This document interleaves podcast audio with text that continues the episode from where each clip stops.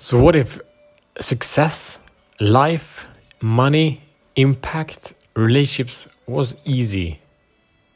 Maybe it's like, fuck you, man, because you know you're proving your life that it's hard.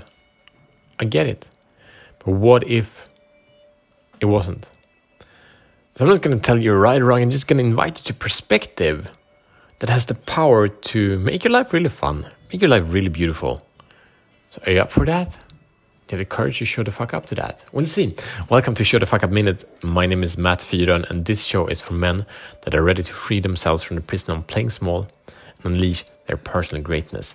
So, base this on the assumption of that you're awesome, that you're more power, you're more insight than you thought was possible, that you are amazing, that everything that you are, everything that you're looking for, everything that you're longing for is already within you.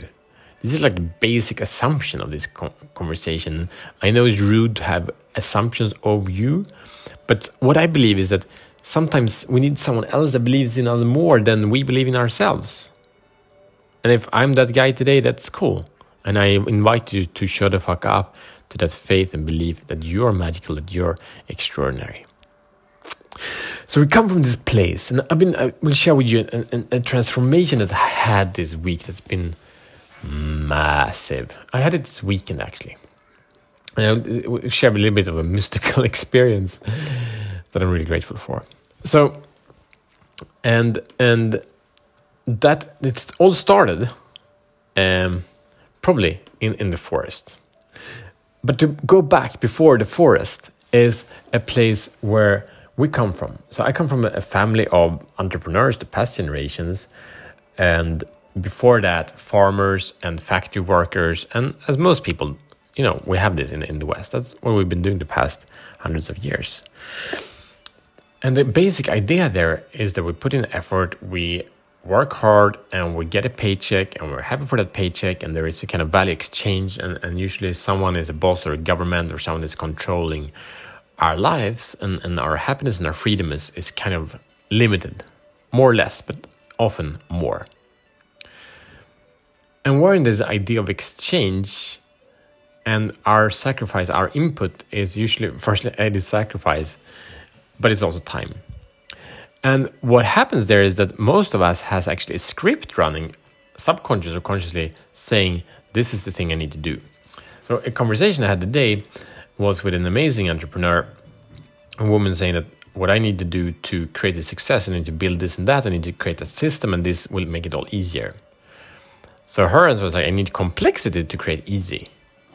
And that's quite a, quite common if we look to entrepreneurship or relationship, whatever. Need complexity create uh, uh, ease. And sometimes this this might be true, but in all our concepts of this, it takes this to create this.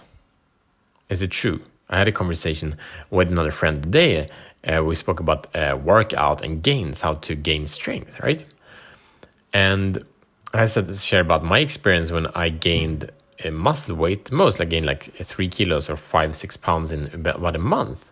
It was amazing because I've been working out forever. But I didn't get any any gains. And the reason was different there was I ate a lot. I ate a lot of food. I ate a lot of protein. And this guy is like, yeah, but he's like water fasting for three days. And he's like, uh, nah, but doesn't eat much. He's like a vegan and and had a very different perspective on on this with games. He's been doing personal training and all kinds of things. So, what if the the rules that you have set up, you have to do this to get this? What if they were not true? What if these rules are actually limiting you? And it was like a shortcut that would be so ridiculous, so amazing for you to tap into that. So another experience back to the forest. I've been practicing to receive. Like I, I'm a pleaser, meaning I'm a giver, and the, the problem with giving is that I want to give. If I don't give, I feel uh, inadequate. Like not really anymore uh, as addictive in a way as before, but it happens now also. But the practice of receiving it is, is challenging for me, and and again, it's like I have to be worthy to receive. So I have a lot of these stories. I was walking in this beautiful forest with my my daughters. Uh, were running, playing horse, and I was walking to a friend's birthday party out in nature's beautiful spot in the forest and the lake. it was amazing. But I was walking there in the forest, like, wow, this is kind of more natural forest I'm usually in. So I'm very grateful. I just saw it, was putting effort into being present and breathing in it and listening to the noise and, and watching the the ants on the ground. You know, putting attention to the magical of this nature, the gift of this forest. And when I did that, I was like, ah, wait, this forest has something to give me. That's how my, my thought came up. Like, this forest has something to give me. And like, am I willing to receive this gift, this energy? So I've been observing it as an observer, but not willing to receive, taking it in. Like, yes, I'm willing to receive. And then I opened kind of myself up. I don't know if this makes sense to you, but it kind of opened my my body up, so I felt like I received energy from the body. This might feel like woo woo. I can just share with you my my experience. This is how I experienced it. I experienced I received energy from the forest, and it was beautiful. And and and then I was kind of in a meditative state, and like didn't had some thoughts and let them flow around. And then this idea came up with me, was says okay, I want to give away 50 euros per day for 20 days to to uh, like an NGO, to project, to person, to concept that that is doing something great. I want to support. I want to contribute. I want to give back uh, because it's an exchange of energy. Like uh, I have money coming in, I have money going out, and I want to really.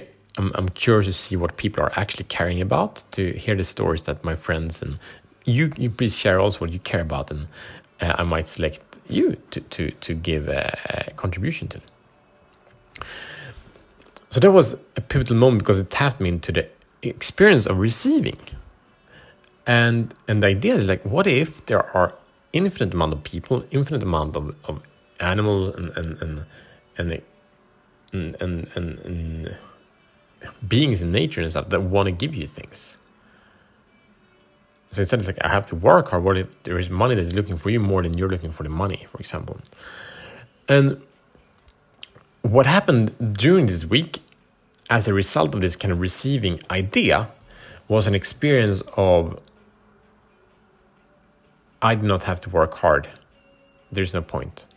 I've been sharing it a little bit before. I've been developing this super powerful methodology that helps coaches create high ticket coaching clients by doing what they love without any struggle, without being busy, without anything like that. And I've been doing this for a while, and it's it's great. But I've been also running hundreds of different projects that made me busy. And this week, I'm like, hmm, I made one decision, and it's like, okay, I'm gonna start working four days a week because this is on my mission board. Four days a week, seven hours per day, instead of like five days a week and and and more hours. Like I used to work in the evenings, and I don't do that anymore. It's less working time. Uh, it's not because I can, because I say so. And life became even more abundant. I, I received even more. And what happened then was that I separated the, I removed a lot of things that I, I don't need to do this because my success or happiness, whatever, does not depend on this rule, on this structure, on this idea, on this concept, and let a lot of things go. Meaning, I spend more time in, in ease and relaxation. And what happened then is that more ideas start flowing, and, and the issues, the roadblocks that's been holding me back, they came up clearer, and I could see them because there was space me. I wasn't stuck in the business. And what happens then is well, I was not a victim of time anymore. I was the creator of time. And that was fun. so for me, that's been an experience of being in power.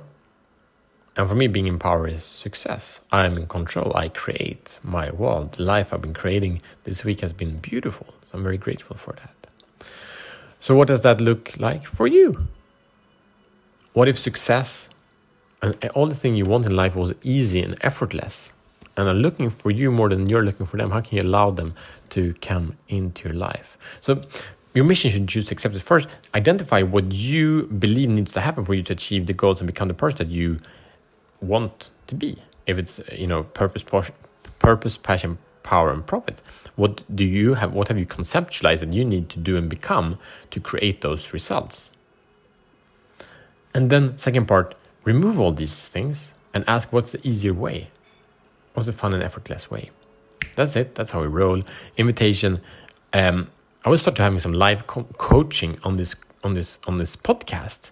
Not live, but but coaching people, record and publish it. So if you're willing to show the fuck up to transform your life to be the best version of yourself, send me a message and we get on a on on on on, on a call. If you're right, I ask you some questions, and and if you're right, if you're a good fit, I will invite for 30 minute transformative, powerful coaching session that will free you from the prison of playing small and unleash your personal greatness. That's it. See you tomorrow as better men.